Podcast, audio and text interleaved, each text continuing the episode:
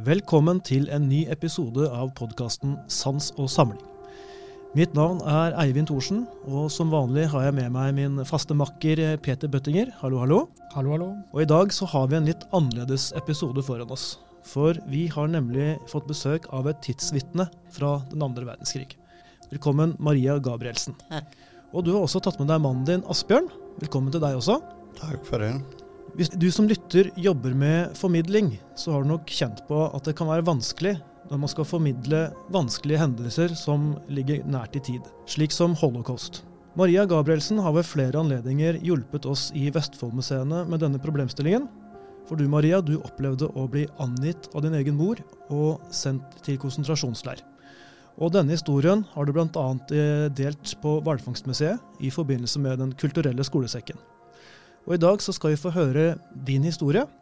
Og da har jeg lyst til at vi skal begynne fra starten. For du Maria, du er jo opprinnelig fra Østerrike. Og jeg forstår at du er eh, født før krigen, stemmer ikke det? Ja, stemmer det. Ja. Hvor, eh, hvor vokste du opp i Østerrike? I Wien. I Wien, ja. Og det hørte ikke noe annet om det heter simring. Men sånn familiemessig, eh, kan du fortelle litt om familien din? Hva, I hva slags familie du, du vokste opp i? Ja, vi var jo en familie på mor og far, og vi var syv søsken. Syv søsken. Syv stykker, ja. Ja. Og fem jenter og to gutter. Og hvor i rekkefølgen kom du inn der? Jeg kom der som nummer fem. Så det um, Din far, kan jeg, hva slags yrke hadde han? Og, Faren min Ja. Faren min han var jo skredder. Og å begynne med så hadde de jo det ganske fint hjemme. Og da var det jo ikke noe krig da, da. Men vi hadde det fint, og faren min var skredder. Og, men det var jo dårlig tid, da. Det var lite med mat og alt det der. Og, men vi hadde det bra, i hvert fall. Og det jeg kan huske. Mm. Og jeg husker godt faren min, han sydde dresser. Herredresser. Svarte. Så brukte han bestandig svar. Hvit tråd. Så det det synes så godt, og det syns jeg var så rart. Sånn er det med barndomsminner, at det er liksom noen ting man opplever som sitter ekstra godt i. Når var det Kan du huske noe når dine første tanke, opplevelser av dette her med jødehat for, for din far, han var jo jødisk, ikke sant? Han var jøde, ja. Ja, og, og moren din var ikke det. Nei. Har du noen minner av hvordan antisemittismen og jødehatet økte på? Hadde du noen opplevelse med det som barn, før krigen? Nei, ikke før krigen. Det var ikke noe snakk om noen ting sånt. Men når krigen kom, så merket vi det etter hvert. Så det ble jo dårligere og dårligere. Faren min måtte slutte å sy, og han fikk nå den jobben. Kanskje sope litt her og der, og var det snø, så måtte litt snømåking og, og sånn. Og dårligere og dårligere ble det, som sagt. Og så når det, mm, det begynte sånn, når det krigen begynte, så husker jeg vi var ute og lekte da, i, i gangen. For det var, var mange folk i denne, så ut som en brakke da. Mange leiligheter da. Så var det en stor gang. Så var vi ute og lekte. Og var det mange unge der, så det blir jo litt skrik og bråk og sånn. Og så plutselig så kom det ut en mann med en liten unge i, fang, i armbåndet, og så skreik 'Det er krig, det er krig', skrek han. Og så er det kasta den ungen opp i lufta, da. Men han tok den jo imot, da. Og så holdt på, vi ungene var helt sånn forstørret og skjønte ikke riktig hva han mente med det. Hva er nå krig, da? Jo da, og så kom foreldrene ut og luk- lukket opp dør og ropte oss inn, og det kom inn. Alle gikk inn da. Så sånn begynte det. Hvordan, eh, ettersom da når krigen kom, hvordan merka dere at det var noe annerledes? At det var en ny situasjon, at det var krig? Ja, det ble jo dårlig. Dårlig med alt som er. var jo rasjoneringskort, og å begynne med fikk vi vanlig rasjonering og kunne gå i, i forretningene hvor som helst. da. Men seinere, når det begynte med jødehat, så fikk vi jo sånn jødisk kort som de, som de står små merker på, som de klepte. Og på hvert merke var det en J. Rød, rød J. Og grønne kort med rød bokstav i på hver eneste kort som de skulle klippe når du skal ha noe. Mm. Sånn var det. Ja. Verst var det når vi skulle hente melk. da. Skulle stå i lang kø. da. Og vi hadde jo en del kort, da, så vi la det bestandig dobbelt. så ingen skulle se de gjør det mer jødemerkene. Mm. Og mm, stå i kø, hadde ikke noe på beina eller noe sånt, og var dårlig kledd og hadde ikke så mye. Og så når vi endelig kom fram, da, så la vi korta på bordet. Så hun skulle klippe dem, men hun ga dem ikke pent tilbake igjen. Hun tok dem bare i en haug og så slengte dem på bordet og sa et eller annet. Hva hun sa, det vet jeg ikke. Det husker jeg ikke. Men hun slengte dem på bordet, så datt jo mange på gulvet. da. Ja, de korteste de pella de opp fort opp, og folk, vet du, de i køen, de tiska og hviska, og de som kunne tråka det på beina eller rive deg i håret, så gjorde de det. For da så de at uh, dere var jødiske? Da så de var gjør, ja. Mm. Så det gikk ei stund, da. Men eh, etterpå så fikk vi egne forretninger, da. Overalt står det da, på de vanlige forretninger, står det 'jødeforbudt'. Fikk ikke lov å gå inn. Men du har dine egne, og det var litt bedre. Så da ble vi litt bedre behandlet. da. Ellers gikk det jo veldig greit på det stedet vi bodde. De naboene de nevnte ikke et ord om det. De gjorde ikke det. Hvordan gikk det med faren din, altså yrket hans som skredder, da?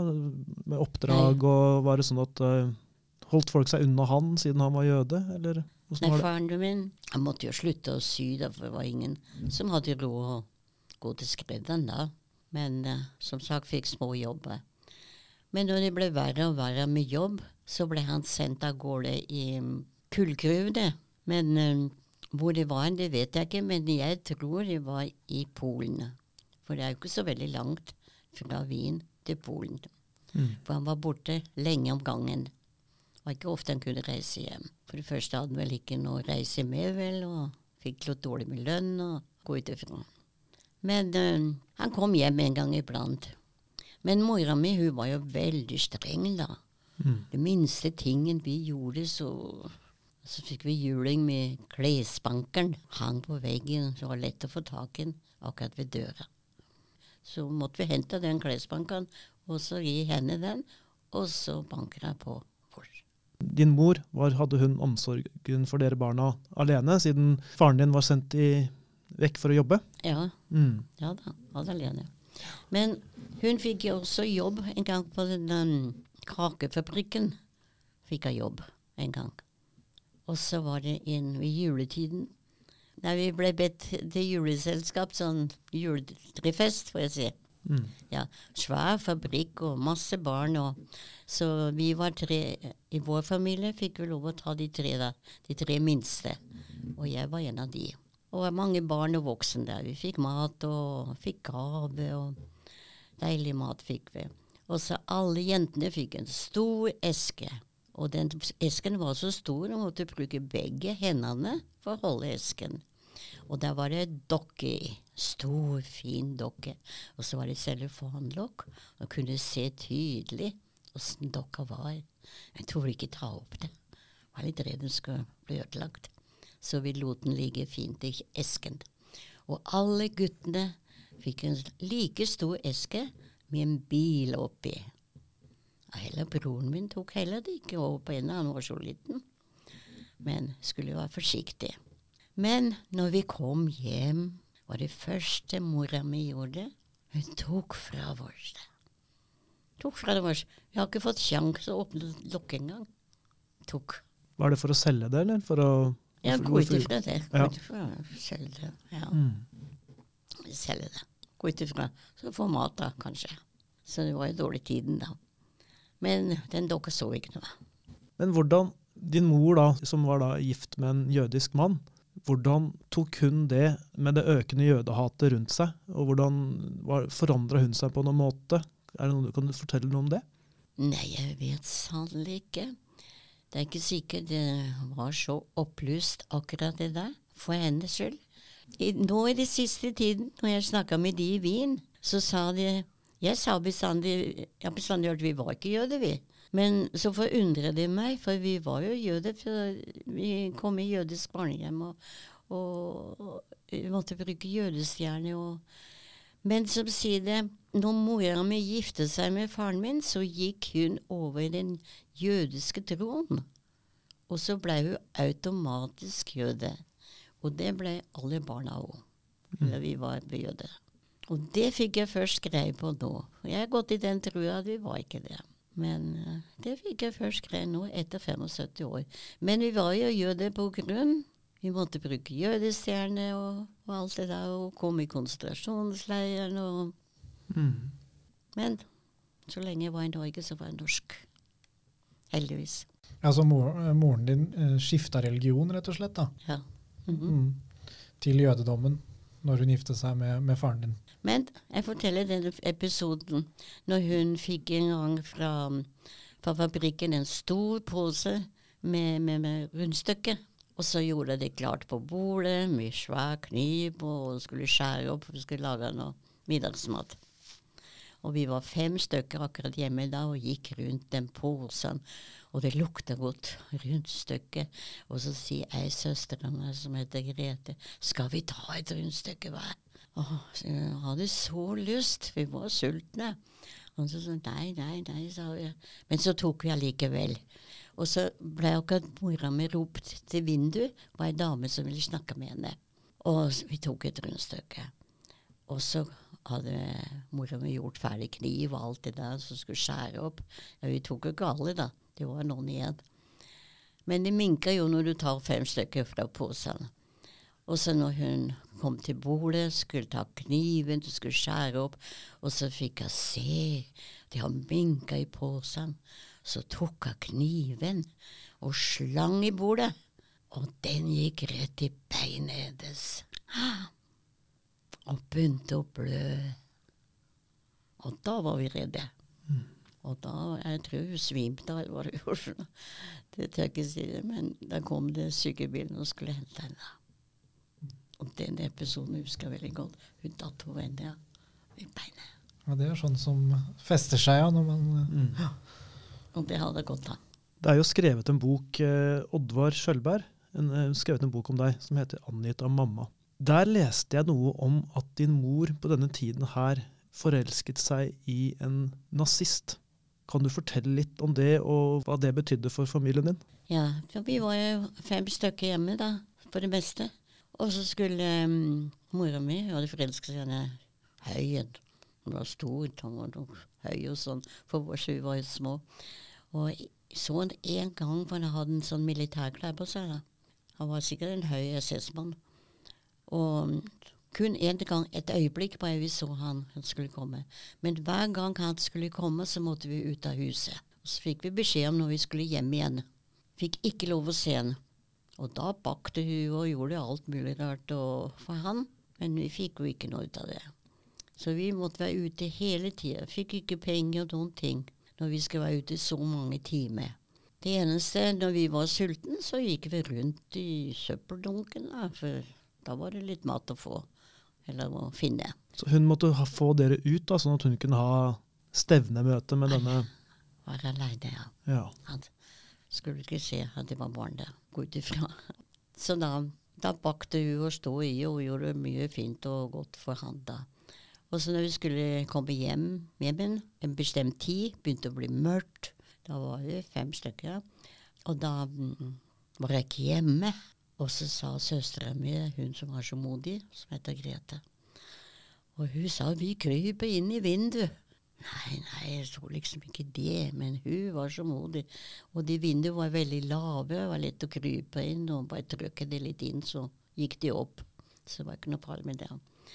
Jo da, hun var første mann, hun trykte det vinduet, og vi, hun sk- skrev inn, og vi gikk etter. Og eh, inn i ommen så var det noe mat der, det var sikkert til vårs da. Middagsmat Ja, panne, stor panne. Og hun i den og spiste, men vi andre torde ikke spise, skulle vente. Og hun, eller en en annen søster som var eldre, som heter Bertha, hun tok en stol og skulle henge for vinduet for blende. Så må ikke lyset må ikke skinne ut av vinduet da. Så hun står på krakken, og plutselig hørte vi nøkkel i døra. Å, nå kommer mora hjem. Og vi var både glade og redde. Og så når hun kom inn Det første hun gjorde, tok den klesbankeren og gikk bort til Bertha, som stod på krakken, og fikk juling. Og vi andre pila av gårde, men én og én måtte komme fram som fikk juling. Fordi dere da hadde spist Ja, vi har krypet inn og spist. Ja. Ja, eh, det var den ene som spiste, vi torde ikke. Det var bare Grete hun som var så modig. Og til straff så fikk ikke vi mat, på grunn av at vi hadde spist. Vi fikk juling, også i seng. Og da var du var sulten, og da måtte du skrike deg til for å sovne. Så den, den episoden husker jeg veldig godt. Ja, det må jo være et sånne ting som blir ett seg inn i hukommelsen på et barn som opplever noe sånt som det der. Mm. Jeg tenkte på det med at faren din ble sendt eh, av gårde for å, for å jobbe, samtidig som hun hadde din mor noe med det å gjøre. Jeg mener, Leste jeg noe om det i den boka? At eh, hun fikk han sendt vekk for å være sammen med den nye forelskelsen sin? Ja. Ja. Så kom faren min hjem en gang fra kullgruvene. Da var han borte lenge. Det Kom seint på kvelden, vi hadde jo lagt oss, og, det, og da var det ganske dårlig med da. Dårlig med sengeplass, og jeg husker Bertha, søstera mi, og, og jeg lå under kjøkkengulvet. Og en lå der, og en lå der. Men så husker jeg at vi lå under der. Og så kom faren min hjem, og vi hadde jo lagt oss, og, og så kom han ikke inn. Uh, mora mi slapp han ikke inn, og det hørte søstera mi, Bertha. Hun reiste opp i vinduet, og så kom faren min bort til vinduet. Og så sa han 'jeg får ikke lov å komme inn', sa han. 'Kan ikke du finne noen rene klær til meg, så skal jeg gå til en kjenning for natta'. Jo da, hun, hun hente, fant nye klær til en rent tøy. Og så tok han det i sekken sin, hadde en sekk på ryggen, og så rusla han av gårde. Han sa nok hvor han skulle hen da. Han skulle til en som han kjente da, for natta.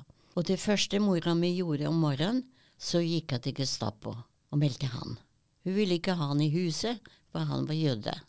Og det var jo ingen sak å bli tatt for da. Den gangen begynte de å er på jakt etter jødene på gårde. Jo da, han, de visste hvor han var, og så ble han hentet. Og så kom han i en sånn um, arbeidsleir i Wien. Og så gikk det en stund, så meldte søsknene mine, de tre største, Edvin, Hilda og Bertha. Hun, hun meldte de også? Meldte de, ja. Det gikk en stund.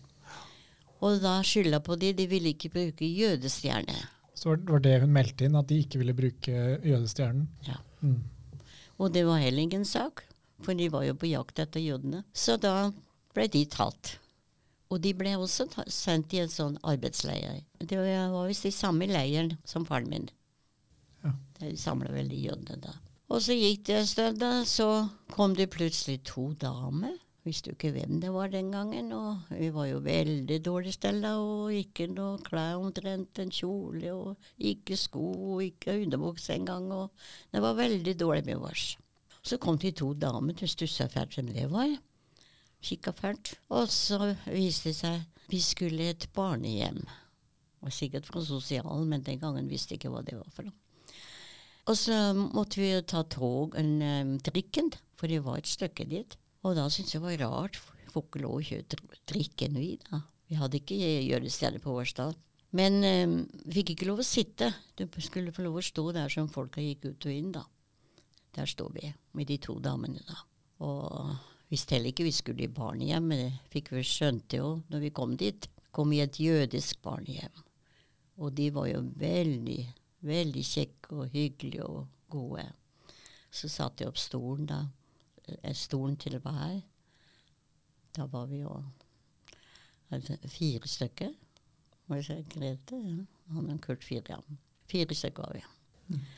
Jo da, og var litt forskrekka sånn. Verst var på minste. Han fløy til vinduet og skreik og rakk så vidt opp til vinduet for å rope 'mamma, mamma'. Og vi satt der, vet du, og vi var ikke lei det.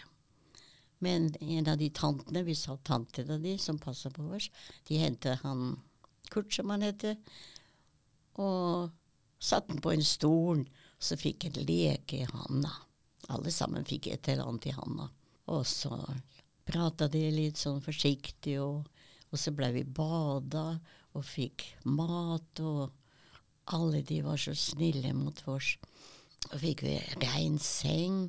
Vi kom sånn seint på ettermiddagen, husker jeg. Og når vi skulle legge oss, så var det sovesal oppe i antasje. senger som sto etter hverandre. Var store sal. Og så var jenter for seg og guttene for seg. Og da skulle vi ligge i senga, hvit og fin seng, rein seng. Og så skulle vi sitte i senga. Alle sammen skulle sitte pent, rett i ryggen. Og så skulle vi be, skulle holde pent handa sånn og be. Skulle be aftenbønnen. Det har vi aldri gjort. Det var noe nytt. Og det var så fint. Jeg så til høyre og venstre, og det så så fint ut. Og stille. Det at dere havna i det barnehjemmet, var det mm, din mor som hadde gitt dere fra seg? Vet du hvordan det skjedde? Nei, eh, hun meldte oss at hun ikke ville ha de ungene. Gå ut ifra. Jeg vet jo ikke, men, men jeg går ut ifra det. At Åssen hun fikk det til, det, det tør jeg ikke si. Men de skjønte vel det, de som har noe med det å gjøre. Hun Mm. var jo bare liten. Fikk jo ikke så mye greie på, vi ungene. Vi lytter jo, vi har jo øret. Mm. Så en er jo litt sånn nysgjerrig når en er liten òg. Mm. Hva, når dere kom på barnehjem da, var de eldste barna da fortsatt i denne arbeidsleiren, eller? eller Nei, eh, nei, hvor de, ja, de, nei, de kom ikke, de var i arbeidsleiren. Ja. Men når vi kom i barnehjem og var der en stund, så fikk vi høre at faren min og de mm, Hilda, Edvin og Bertha fikk en leilighet sammen med faren min i nærheten av barnehjem. Og der fikk vi lov å besøke dem på søndagen, for de var jo på arbeid om hverdagen da. Mm. Og det gjorde vi. Men da måtte du bruke jødestjerne når du gikk ut. I første gang så satte vi bare fast med knappenålene, så når du kom ut av porten, så tok det det vekk. Men så oppdaga de det, så fikk vi streng beskjed. Du måtte um, sy det fast med maskin. Verst var det når du var ute i gata, og så noen enkelte folk var veldig hissige på deg. De spytta på deg og rev deg i håret. Det var langt hår den gangen òg. Og kasta stein på deg. De guttungene var verst. De var veldig slemme. Fløy etter deg og Så fort du kom på gata? så fort du kom på gata. ja. Mm. Og du fikk ikke lov å stå og se på når det var kino der, det var bilder på veggen der. Fikk ikke lov å se på de. Jeg får ikke lov å stå stille. Må bare gå forbi. Enda du hadde veldig lyst til å se litt. Du fikk ikke lov å stå stille på gata engang. Nei. Nei. Nei, da, og så sa jeg den gata der som faren min bodde da, og søsknene. Og da var det mye sånn rampete gutter. De, de var vi så redd for hele tida. Vi grudde oss for hver gang vi skulle gå dit. Men så var det jo også flyalarm. Vi skulle hjem igjen da, i barnehagen. Barnehjemmet der. Og så var det svære plakater på veggene vet du, med soldater med gevær i, akkurat som de skulle fly ut av veggen. i. Sånn så det ut for meg. og, og så når det, når det gikk alarmen, så het det seg at du skal gå i kjelleren. Hvor som helst. Jo da, så skulle jeg prøve å gå i en kjeller som det var flyalarm antagelig. Det var et stykke til barnehjem igjen. Og så gikk jeg sammen de, og så fikk de se jeg hadde stjerner stjerne på meg. Å nei, du får ikke lov å komme inn her, du. Så ble jeg jaga vekk. Så måtte jeg bare gå, jeg, som kan ikke si noe imot. Måtte bare fort springe fort til barnehjem. Og så når jeg endelig kom dit, så ventet de på meg. De hadde da den maska med i handa si, for jeg måtte forte meg. Jeg går i kjelleren. For det var sånn maske, sånn gassmaske og litt proviant og sånn i den veska. Og navnet på. Det hadde vi fast. Det måtte vi ha fast et sted hele tida. Var det alarm, så måtte jeg ta veska og fly fort. Og nå var du syv-åtte år, noe sånt? Ja, jeg var nok syv år. Syv år, syv år, syv år tenker jeg. Så det nei, noen, noen folk var ekle, så de tålte ikke noe. Var det andre som var motsatt også, som var snille og behandla dere bra, eller var de bare trakk seg tilbake, eller var det liksom noen som uh, hjalp dere? Nei, nei, det var ingen som hjalp. for sånn. Det var- vel forbudt òg, kanskje? Mm. Og så i det barnehjem som vi var Det var et barnehjem, og så var det en stor sånn gårdsplass. Og så var det et tempel, og så var det et barnesykehus som hørte til det. Og så tvers over veien så er det jo høyhuset overalt, liksom. Og, og så var det mange barn ute og lekte på den gårdsplassen. Og så en vakker dag så kom det to tyskere med geværet.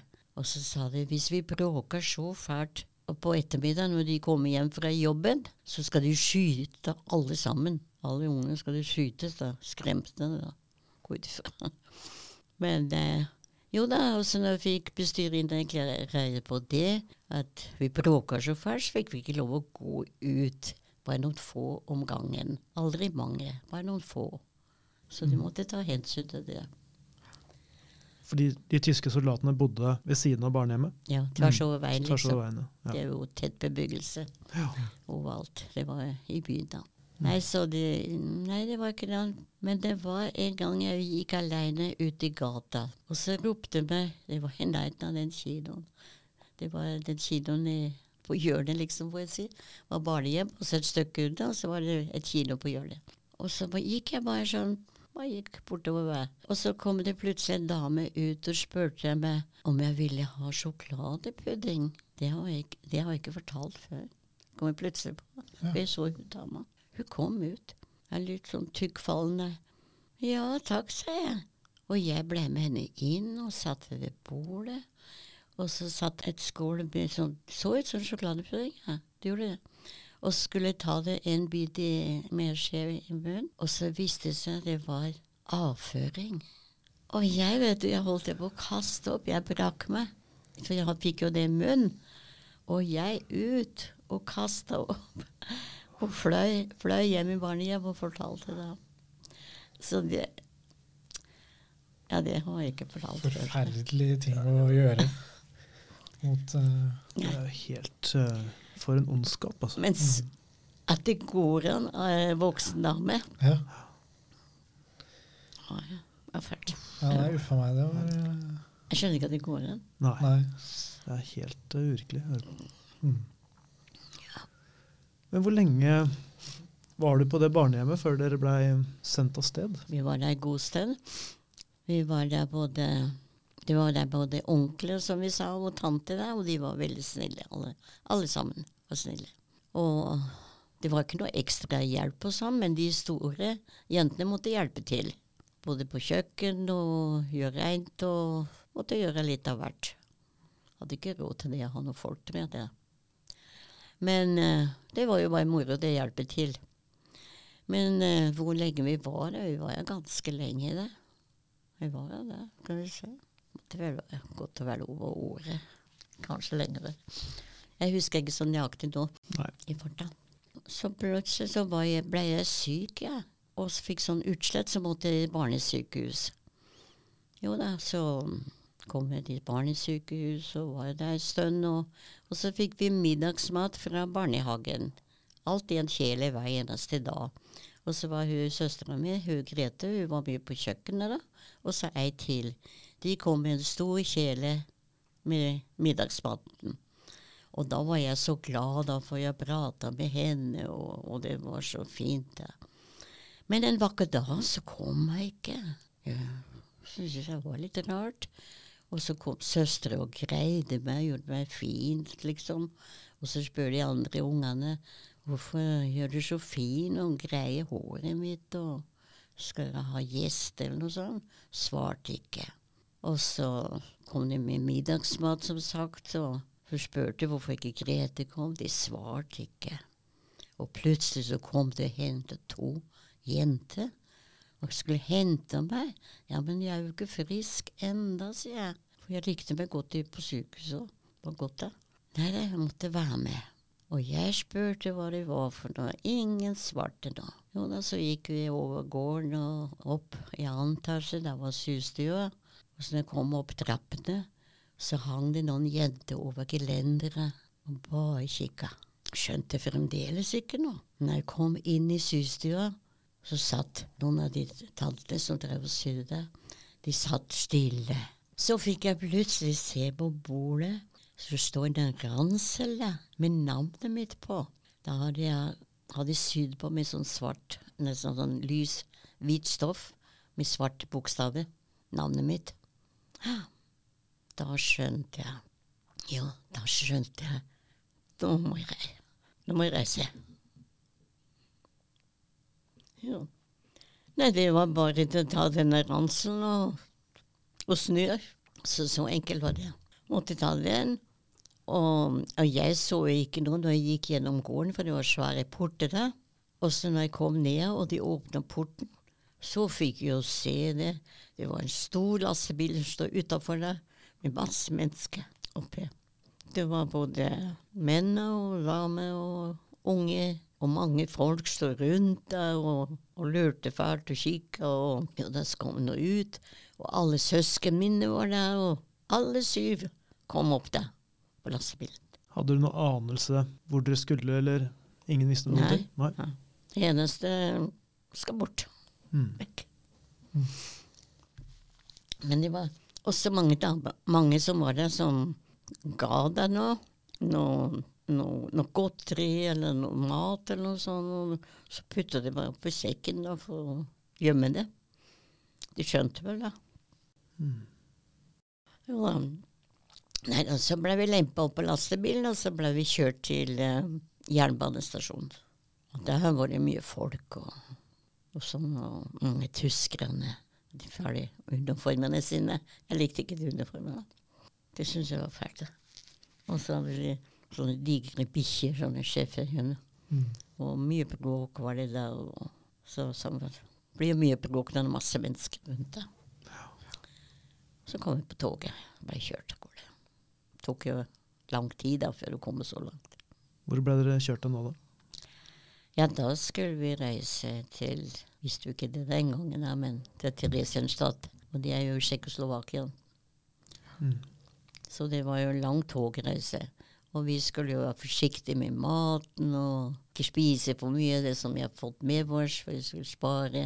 Men vi var Alle syv var vi sammen hele tida på toget. Og så det toget kjørte litt, stoppa litt, og hver gang de stoppet, så gikk det to tyskere igjennom. Og de tråkka jo så hardt på gulvet, de hørte på lang avstand hadde uniform på seg med geværet og greier. Og, og det var litt nifst å se på det. Men det gjorde ikke noe. Toget kjørte jo litt og stoppa litt, og tok lang tid før du kom fram. Så det var en lang reise. Husker du hva du tenkte da dere kom fram? Ja, da vi kom fram, ja, så så vi det var en leir da. Hvor noen av de hang, holdt seg fast på gjerdet og, og sånn. Og, og de voksne, de hviska og tiska, de snakka så lavt. De kunne ikke høre hva de sier for noe. da, vet du. Og når det toget endelig stoppa, ja, det stoppa, så kom det tyskere inn og skreik høyt. All bagasjen skulle ligge igjen, for det skulle du få i morgen. Fikk ikke lov å ta med deg noen ting. Og så når du skulle gå ut av toget, så skulle mennene gå på én side, og kvinner og barn på den andre siden. Og så kom vi inn i en stor kaserne, og da skulle vi kle av oss alt tøyet, for det skulle bli definisert.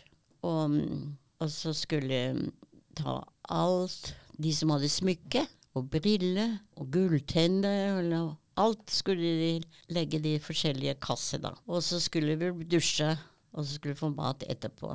Alt ble jo gjort, og Ble dusja og kom ut igjen, og da som sagt, alle de voksne de tiska og hviska, men vi skjønte jo ingen verdens ting, for de snakka altfor lavt. Men de var, vi skjønte kanskje mye mer enn det vi gjorde, ungene. Men som sagt, eh, vi fikk noe mat da også, men når du kom ut fra den dusjen, så fikk du ikke lov gi den haugen du har lagt fra deg, for den skulle bli definisert. Da skulle det gå i en annen haug, det var mange hauger der borte. Og da skulle du bare dra ut et eller annet, for da sa de du skal få sakene dine i morgen. Og da skulle du forte deg. Du kunne ikke prøve. Dra ut noe og prøve, og det passa ikke. Nei, du skal bare ta en ting og ha det på deg, for du skal ligge der om natta i en annen kaserne. Og skulle få alt i morgen. Men det gjorde vi ikke. Fikk ingenting igjen. Ingenting fikk vi, det har vi spart av. Mm. Både i mat og det som vi hadde med oss. Alt ble borte. Ja, så ble vi klept av håret, alt det der, og ble undersøkt om vi har noe et eller annet gjemt, eller kunne ikke gjemme noe når vi sto helt nakne. Men alt ble tatt. Kikka i munnen på dem, det var noe gullgreier og På barn også. Ja, Mm. Nei, ikke på barna, for jeg hadde jo ikke noe gullgreier i munnen. i hvert. Jeg hadde ett øredobber igjen, ja, riktig. ja. Jeg, hadde, jeg fikk øredobber av noen gode venner i Wien. som jeg var mye hos. Og det, jeg hadde mista ett, og så tok de de ene. Det var et rødt hjerte med litt gull rundt. Det måtte jeg meg ta ut. Mm. Fikk ikke lov av det. Som sagt fikk du ikke noe verdens ting igjen. Og så lå du der første natta, og så ble du delt opp. Ungene kom for seg sjøl, og voksne ble fordelt, for de måtte jo jobbe. Jobbe hardt. Mm.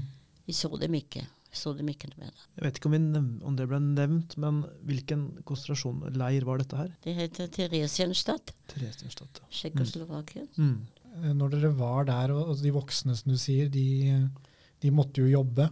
Hva var det dere barna gjorde? Nei, vi gjorde vel ikke så mye.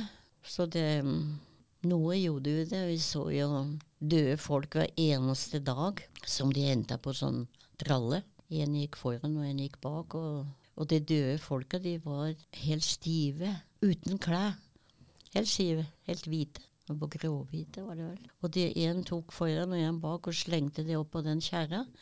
Og så når den var så full, så ble det kjørt, eh, kjørt den på mm, krematorium. kom den. Da ble det brent. Og det kjørte jeg hver eneste dag i haugevis. Og masse, masse folk som døde. Og så kom det jo nye folk med jernbane med sånn dyrevogn. Og så var det akkurat ved, ved en bekk, og gikk toget akkurat ved siden av det. Og så kom det toget, og så var det bare mennene. Og de hadde kun et teppe rundt seg. Og så var de syke. De hadde tyfus. Så det er en veldig farlig sykdom. Smittsom sykdom i hvert fall. Og de skulle hoppe ut av toget. Det var, er jo ganske høyt fra sånn som de togene er. Disse dyrevogn, kaller jeg det. Og, og så skulle de hoppe over bekken, for de skulle bli tella, heter det seg. Vi så det tydelig, for vi kunne se det ut av vinduet der vi bodde. Og de som ikke greide å hoppe, de ble bare rett og slett dyttet ned i bekken. Drukna de, ja. Men de var veldig syke. De gikk helt sånn i ørska. Jeg husker de hadde en brødpose i handa med noe tørt brød. Det hadde hver eneste en. Og kun det grå teppet, ikke noe annet. Og de kom, ble, kom i en sånn inngjerding, de. Men de fleste døde vel gå ut ifra, for de var veldig syke. Var så vidt de kunne gå. Mm. Der kom det mange sånne transporter. Så ble det mange sendt av gårde. Jeg husker broren min ble sendt av gårde en gang òg. Men han kom jammen tilbake igjen fra den leiren. da. Nei, vi søsken overlevde alle sammen. Og så var jo det når Ja, for, for eh, leiren blir jo etter hvert frigjort av sovjetiske soldater når krigen nærmer seg slutten. russerne kommer, Russerne kommer og befrir leiren. Husker du noe fra det? 8. mai klokka to om natta så kom en av tantene inn og sa at krigen er slutt, krigen er slutt. Og vi lurte hva det er for noe, da. åssen er det, da? og kikka ut av vinduet, og, og da så vi svære tanksbil med russere. da. Og folka de var jo helt ville, de jødene. da. Og de kasta ned sigaretter og mat og fra bilene. Det var helt tullete, da. Vi ungene fikk ikke lov å gå ut da. Og så Vi var jo så glade. Men før, like før de, de kom, der, får jeg si, så skjønte sikkert de voksne at krigen nærmer seg slutten. Så tok de disse blekkboksa de hadde som de brukte å ha mat i. De skjærte de ut som med sikt og hammer, som et russisk Mm. tegn. Og så sier de tyskere hvis de ikke slutter med det, så skal de sende atombombe. Det var første gang jeg hørte atombombe. Ja. Hvis ikke de slutta å gjøre de greiene der. Og så plutselig kom jo russere da, så de skjønte det. Og da rømte mange tyskere. De rømte med toget. De så toget kjørte rett inn. De rømte av gårde. Mange av de kom seg av gårde. Og de som hadde jobba i, i leiren, tenker du på? eller? Ja, Ja. det er tyskere mm. med uniform. Og de som ikke ble flykta, de tok det til fanget. Og så fikk de sånn kjeledress på seg. Og så malte de hakekors på de, både i ryggen og foran. Og, og så brukte de hår, sånn hårmaskin. Lagde sånn stripe midt i huet. Så det er lett å kjenne hvis de skulle rømme. Mm. Så strenge var det russere mot tyskere da. Det husker jeg veldig godt. Jo, og så dagen og etter, det var jo natta det der, at de kasta ned mat og sånn. Og så dagen etter så kom de med svære provianter, russerne, i barnehjemmene. med forskjellig mat og sånn. og Da brøyt de opp disse, de har jo proviantkaserne og sånn, hadde tyskere, da. Mm. Så de brøyt opp dem, og så fikk vi det. Og, og så kom vi søsken. Alle syv kom vi sammen igjen. Det er jo et mirakel, altså at alle syv Alle Overlever. syv kom tilbake igjen. Det er jo helt Og vi fikk lov å gå i sammen og bodde Vi kunne bare få en krok der som i en av de kasernene da, og var sammen.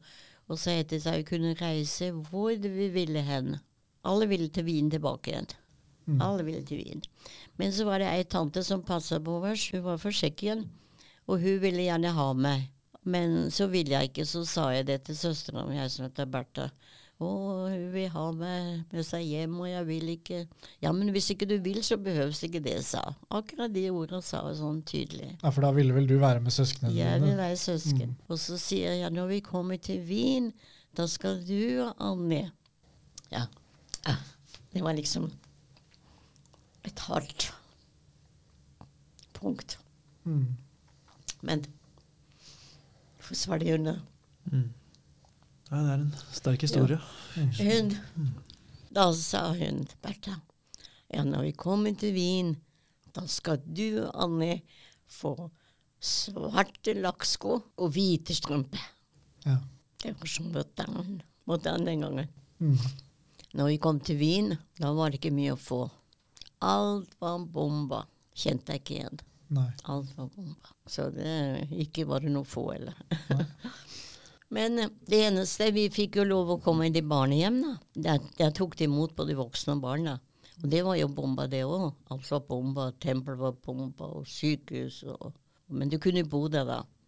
Der fikk du husrom og mat til, til du ble fordelt, da. De voksne fikk noe leilighet, vel, og, og sånn. Og, og så var det jo ikke vann der, og, men så husker jeg Vi skulle spise middag den, dag, ja, den dagen. Og da skulle de to minste, Anne og Kurtis, skulle hente et spann med vann. Og så akkurat på hjørnet der ved barnehjem, det var en kino, og der var det sånn trappetrinn. da. De satt, de satt akkurat det, på den trappa der. Og så sånn fortalte de det. Og så gikk det en dame forbi, att og fram, sa de. Og så plutselig sier han minstebroren min. Er ikke det det mamma? sa han kanskje litt høyt, da, men sånn fortalte de. Hun var nok på jakt etter, for vi stod i bladet når vi kom, da. Var sikkert da og sett det, viste så noe så vi bodde her.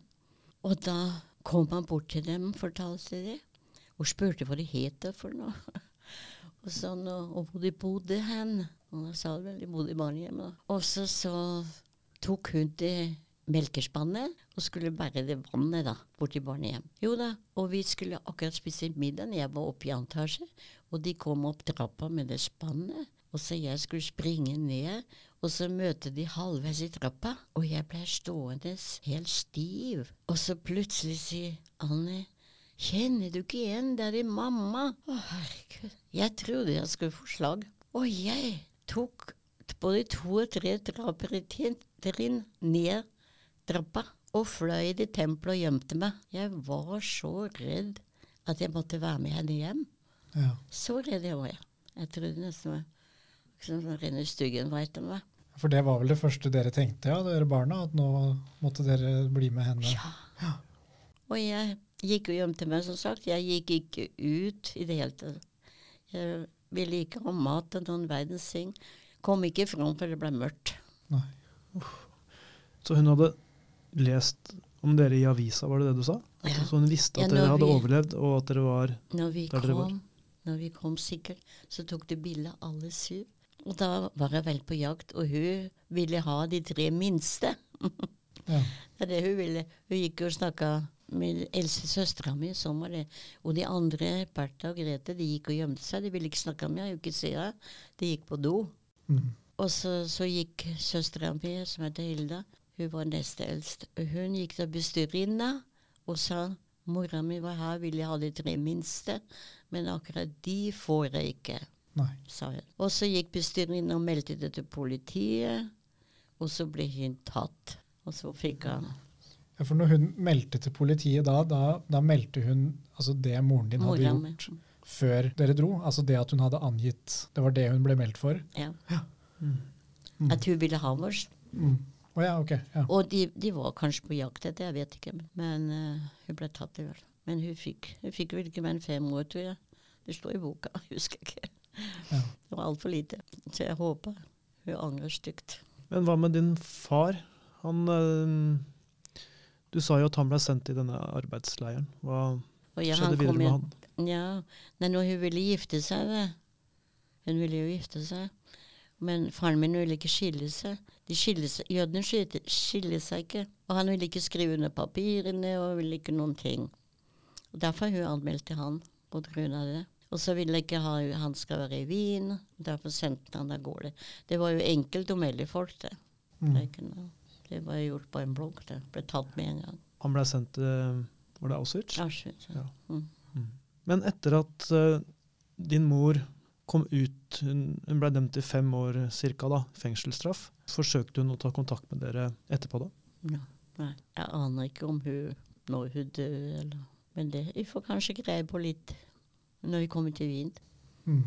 Aner ikke om jeg har Jeg har verken sett bestemor, bestefar eller søskenbarn. og Før i tida så hadde jo mange barn, eh, nesten alle folk. Mm. Men aner ingenting. Nei. Jeg har ikke fått greie på verken om jeg har bestemor eller bestefar eller søskenbarn. Mm. Ja, for du skal, du, du skal jo nedover til Wien nå, så Ja. da kan hende du får litt mer svar da. Jeg håper det. Mm. Men det er litt seint, da. Jeg syns det. Har jo ikke sett dem før, så hva er vitsen å se dem? Ja, det er lett å forstå at man tenker sånn, ja. At det er, det er litt i seneste laget. Mm. Men eh, kan jeg bare spørre, for du, du sitter jo her nå med oss. Så når, eh, når er det du kommer til Norge for første gang? Og hvordan eh, hadde det seg at du havna her, da, hvis jeg får si det sånn? Ja, Det er en annen historie, det òg. Når vi var i Wien, når vi kom tilbake til Wien, da, så etter krigen, da, så var jo Så var det vanskelig med allting da òg, da. Så vi søsken fikk jo en leilighet i Wien. Og det ble jo fordelt, liksom. Men som sagt så fikk vi en leilighet. Broren min fikk en leilighet for seg sjøl, for han var jo eldst. Og han uh, var, han var sammen med ei jente, og hun var uh, sigøyner. Veldig pen jente. Og han gifta seg med henne og, til slutt, da. Etter krigen. Mm. Og flyttet til Australia, da. Ganske fort. Men vi andre der, de fikk da en leilighet, og det var fra en tysken. For han hadde sikkert gjort seg ferdig med pakking og hadde svære kasser i den leilighet som var spikra igjen, og alt det der. Og alt det fikk vi. Vi kunne bruke det som var. Ja. Ja. Og det ble gjort. Hadde masse servis og allting du skulle bruke et hus, da. En leilighet. Og så ble vi jo fordelt. Eh, Vi tre minste fikk pleieforeldre. Jeg fikk pleieforeldre, og Ann og Kurt. Og jeg fikk pleieforeldre, og de var ikke noe snille mot meg. Ikke Nei. spor. Og den dagen vi skulle møte henne, henne som jeg skulle være hos, og så sa jeg til søstera mi, hun var med meg, sa til Bertha, hun var som passa liksom mest på vårs. Og så sier jeg til henne, var vi på det kontoret, sånn jødisk kontor, da de ordna med det.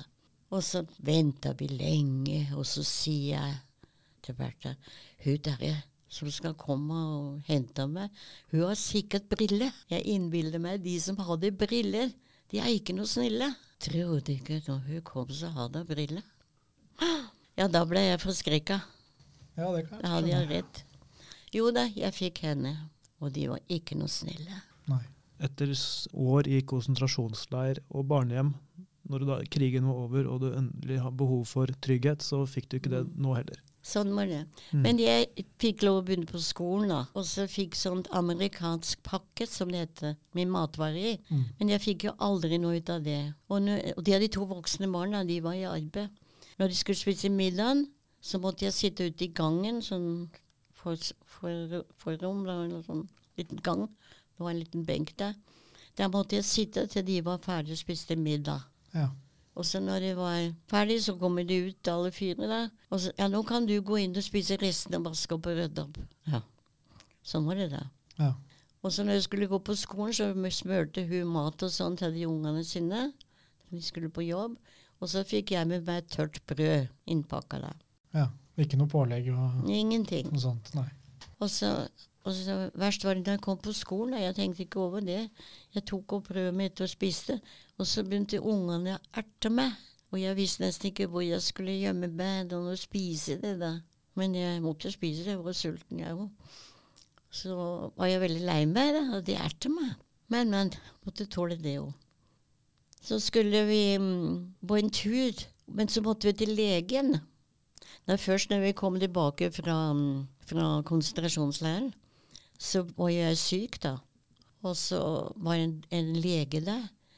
Jeg, når jeg kom til Wien, det var en lege, en som heter doktor Wolken. Han var også jøde. Han var i Auschwitz. Og, han, og jeg var så redd for lege, da. For jeg ble jo tatt med makt. Fikk sprøyte sånn i leiren. Og jeg var livredd for doktor og alt det der. Så skulle jeg til lege, da, for vi skulle på en tur, skoletur. Og så kom jeg og sa det, at eh, vi skal til dok jeg må til doktoren, for vi skal på tur. Ja, da skal du gå til min doktor, sa han. Nei, sa jeg, skal til min doktor. Jeg skal gå til doktor Volken. Nei, jeg skulle ikke det. Men jeg var såpass Såpass, hva skal jeg kalle det for noe, eggen. jeg skulle til min doktor, for jeg torde ikke gå til noen andre. Mm. Men det var ganske lang vei, så jeg, jeg fikk ikke noen penger for å ta drikken. Nei, nei, så måtte jeg gå. Det var langt å gå fra der jeg bodde da. Men jeg endelig kom til doktoren, da, og så sier han nå skal de til Norge, sa han. Norge, jeg vet ikke hva Norge var for noe engang. Og nei, jeg har ikke hørt noe om det. Og så spratt han plutselig opp, og så gikk det telefon og ringte. Han hadde sikkert noe mer spill, han òg. Så kom han tilbake igjen og sa han, hvem er det som var tynnest? Annie og Kurt. Ja, begge to, sa jeg. Som sant var jeg. Ja, vi får prøve sende alle tre, sa han. Så han var nok med, ja. Jo da, så da kom jeg hjem og sa det, at du skulle reise til Norge. Og det var vel ikke um, ei uke eller to uker før vi skulle reise. Ja. Så det gikk veldig for seg. Han fikk nesten ingenting med meg av det pleieforeldre som jeg var. Mm. Og de bare utnytta meg. Jeg måtte gjøre alt, da. Alt. Akkurat som ei tjenestejente. Mm. Og ingen kom og spurte åssen jeg hadde det. Nei. Etter alt det du hadde opplevd. Ikke et menneske. Så det sier jeg hele tida hvis jeg snakker med noen som har med det å gjøre med unge, og sender dem bort. De er nødt for å møte opp og spørre dem, ikke de voksne. Jeg har også lært jo i barnehjem å be aftenbønn, og det gjør jeg nok i dag. Ja. Det gjør jeg. du har tatt med deg videre. Ja. Men her i, i Norge, da, hvor, eh, hvor havna du først, eh, først her, når du kom hit til landet? til landet.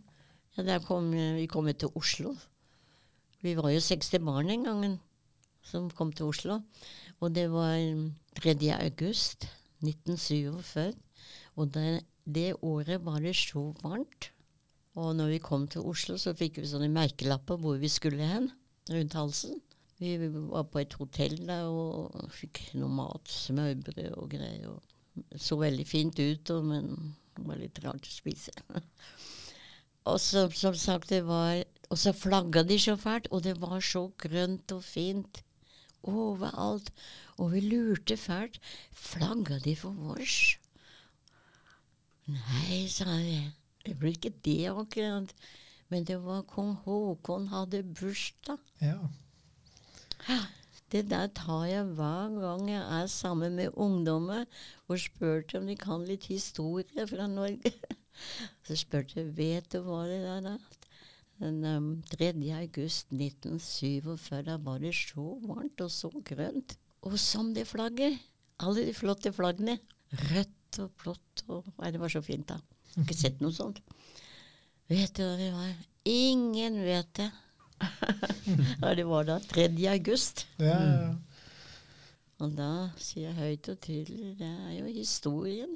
Kong Haakon hadde bursdag. ja. Visste han Harald det? Men, eh, visste jeg det? Vi spurte han òg. Dere har jo bodd her i Sandefjord nå i over 50 år. Kan jeg spørre, hvordan var det dere havna Hvordan havna du her, eh, Maria? 50, vi har vært her bodd lenger enn du er. Det er lenger òg, ja. Dattera vår er jo 65 år, hun var fire år da vi flytta til huset vårt. Ja, for du har bodd, bodde du, altså Når du kom fra. Østerrike til Norge. Hvor var det første stedet eh, du bodde da? Da, da kom jeg til Elverum. Elverum. Ja. Og så de hadde en gård der jeg som jeg kom. Det, også det var Det heter Øksna. Og det var 13 km nordafor fra Elverum. Mm. Er du med? Ja. nordafor Elverum. Og de, akkurat det året jeg kom til Norge, da skulle de få pakta en gård på, i Hedrum. En som heter Baye og Hilda Bredvei. Stor gård, for de hadde gård sjøl. Og de var jo fem gutter. Og to guttene skulle være hjemme på gården, og de kjørte tømme til Brumunddalen. De hadde gjort det i alle år. De skulle være hjemme der, på Elverum. Og så var det tre som skulle være med på den gården der. Og de drev med masse grønnsaker og dyr og allting. Og da var de tre i fire år, og jeg var jo med på lasset den gangen da. Og så fikk jeg lov å gå på skolen her. Og jeg begynte i første klasse. Da var jeg 13 år. På Røbøl skole i Hedrum. Og det var også veldig interessant å gå på den skolen. Det var en lærer som het lærer Hovland. Hovland. Og han kunne litt tysk, så da ble jeg jo litt redd av det òg. Mm. Mm. Og de ungene, de var jo så snille alle sammen. Jeg var jo like liten som alle de andre. Begynte i første klasse. Mm. Og jeg sto mot en vegg, og de kom og kikka på meg. Og hadde noe godt i handa, så fikk jeg. Og jeg torde nesten ikke ta imot noe. Jeg var så beskjeden og redd at det. Men de var veldig snille. Så ble jeg veldig fort kjent med dem. Mm. Så det var litt fint. Og på den gården som vi kom, de hadde en datter, hun var ti år. Og henne gikk jeg følge med hele tida på skolen. Og så ble jeg gode venninner. Alle folk kjente alle på gårdene. Med en annen jente som heter Maren Roligheten. Og hun, vi gikk også sammen på skolen hele tida. Og vi ble så gode venner når vi skulle bli konfirmert. Så skulle vi ha like kjoler. Hvite kjoler. Så hadde vi ei sydame som kom til huset og sydde for oss to. Og alle, alle gårdene var veldig snille mot alle. All, vi kjente alle folk rundt her. Men sånn er det ikke i dag. I dag kjente jeg du ikke naboen engang. Vet ikke om det heter for noe engang. Så det, det er veldig trist. Du møtte jo din mann, da, og så har jo åra gått, og dere har fått barn og har, er i dag besteforeldre og Oldebarn har vi jo. oldebarn. Ja, Nei, det er flott. Men uh, tok det lang tid før du på en måte åpna opp om det du hadde opplevd uh, under krigen? Ja, ja. Begynte først i 2004. Sa ikke et ord. Ikke til barna dine heller, de visste Nei, ingenting? nei, nei. Nei. Er det merkelig? De har ikke spurt heller. Ikke spurt. De har ikke spurt, og de har vel sikkert lest boka, men eh, ikke et ord. Jeg vil gjerne vite hvor, hvor, hvorfor, men Det var jo aldri noe tema Nei. hjemme. Og heller ikke den gangen jeg traff henne. Det Var jo ikke snakk om de konsentrasjonsleirer og sånn. Det gikk lang tid før hun, hun fortalte til meg Ja. historien sin. Det har jeg litt inntrykk av. Det var litt sånn over, overalt etter krigen. At man snakka ikke så mye om det. Nei. Altså, her i Norge heller. Nei. Nei, det er mange som ikke vil snakke om noen ting. Det gjelder vel ofte hvis man har opplevd eh, traumatiske ting i livet. At man, Ja. det blir for vondt å, å dra fram, at man lokker det litt inne. da. Men til slutt så har det jo en tendens til å komme ut. da. Hvordan har det vært for deg å åpne opp og jo, jeg syns det var veldig deilig å få det ut. Allting. Jeg sier til andre folk òg, hvis det er noe vondt, eller å si det. Det er mye bedre å si det ut, for da behøver ikke du bære det aleine. Og det er akkurat som de forsvinner, sånn gradvis. Men allikevel, det ligger jo der i underbevisstheten. Det gjør jo det. Men allikevel, du blir mye lettere i kroppen, og du tør snakke. Og, og før så kunne jeg ikke snakke. Da var jeg begynte å grine og greier. Og jeg fortalte søsteren min som er i Amerika, når jeg begynte å reise med skoleungdom, at jeg mm, reiser til konsentrasjonsleirene. Ja, hvorfor gjør du det? sa. Har det ikke gjort nok vondt med deg, da? Så hun likte ikke det, hun heller. Så hun snakker ikke ut i det hele tatt. For deg, Forstår jeg deg rett da, at for deg så har det hatt en slags sånn form for terapi, nesten? Å, å dele og snakke om det. og så Ja, blir det, ja. mm, Og så hadde du ikke gått til psykologen, da. Hun var jo så alle tiders. Så kan ikke få full rost stedet. Mm. Åssen hun greide det. Så har man opplevd vonde ting, så kan vi jo ta med oss at da er det ofte lurt også å prate om det. Så er det litt sånn i, i, i formidlingsøyemed òg, når vi nå snakker med tidsvitne, at det har en veldig viktig plass i historieformidlingen, tenker jeg da. Fordi at det setter et, det setter et navn på historiene. Det blir personlig Mm. på en måte. Så når vi sitter her nå og snakker med Maria, så er det jo hennes historie. Det er ikke bare én. Sånne, alle disse tusen historiene sammen er det som lager den kollektive historien Mm. vår. da. Mm. Men man får disse enkelt, enkeltskjebnene. Så tror jeg det også har for skoleungdom og sånn, det tror jeg de får veldig, veldig mye ut av. Ja. Mm. Ja, for du, du nevnte jo du hadde vært ute og reist med skoleungdom. Du må nesten fortelle lytterne våre hvor mange turer har du vært på eh, ned dit? Ja, det, det som jeg har fått beskjed om på, på brev, da, av Helga Arendsen, er hun som har driver med de turene i Risør. Og da fikk jo det brev hvor mange ganger jeg hadde reist, og der står det 175 ganger. 175 turer med ungdommer til Auschwitz. Ja. Ja. ja ikke bare Auschwitz, det er både Theresienstadt og Tyskland og ja. mange steder. Mm. Og, men så i de siste tiden så bodde vi der nede en stund og tok imot. Og så reiste vi hjem igjen, og så reiste vi ut igjen. Og, og da tok vi flere busser på én gang, da. Det kunne være både tre og fire busser på Mm. gang også, da, som kom. Det, det ligger bra med mange på en gang. Mm. Men når det var to ganger om dagen, da ble det litt for mye for meg. Ja. Ja. Og som vi sa innledningsvis, du har også vært eh, involvert på hvalfangstmuseet. På Den kulturelle skolesekken. Ja. Og det har vært kjempefint med det opplegget vårt som heter 'Det angår også deg'. Mm. Hvor du har vært eh, med flere år. Mm. Maria, helt til slutt så vil jeg spørre deg. Du åpner jo opp her nå, for å, og du har prata om noe som er veldig sårt. Vi har jo sett at det her er veldig sårt for deg, vi som sitter i samme rom som deg nå. Hvorfor er du villig til å gjøre det? Hvorfor er det viktig, tenker du, at eh, folk hører dette her? Ungdommer og andre? Jo, for det første syns jeg ungdommen er veldig godt å høre det.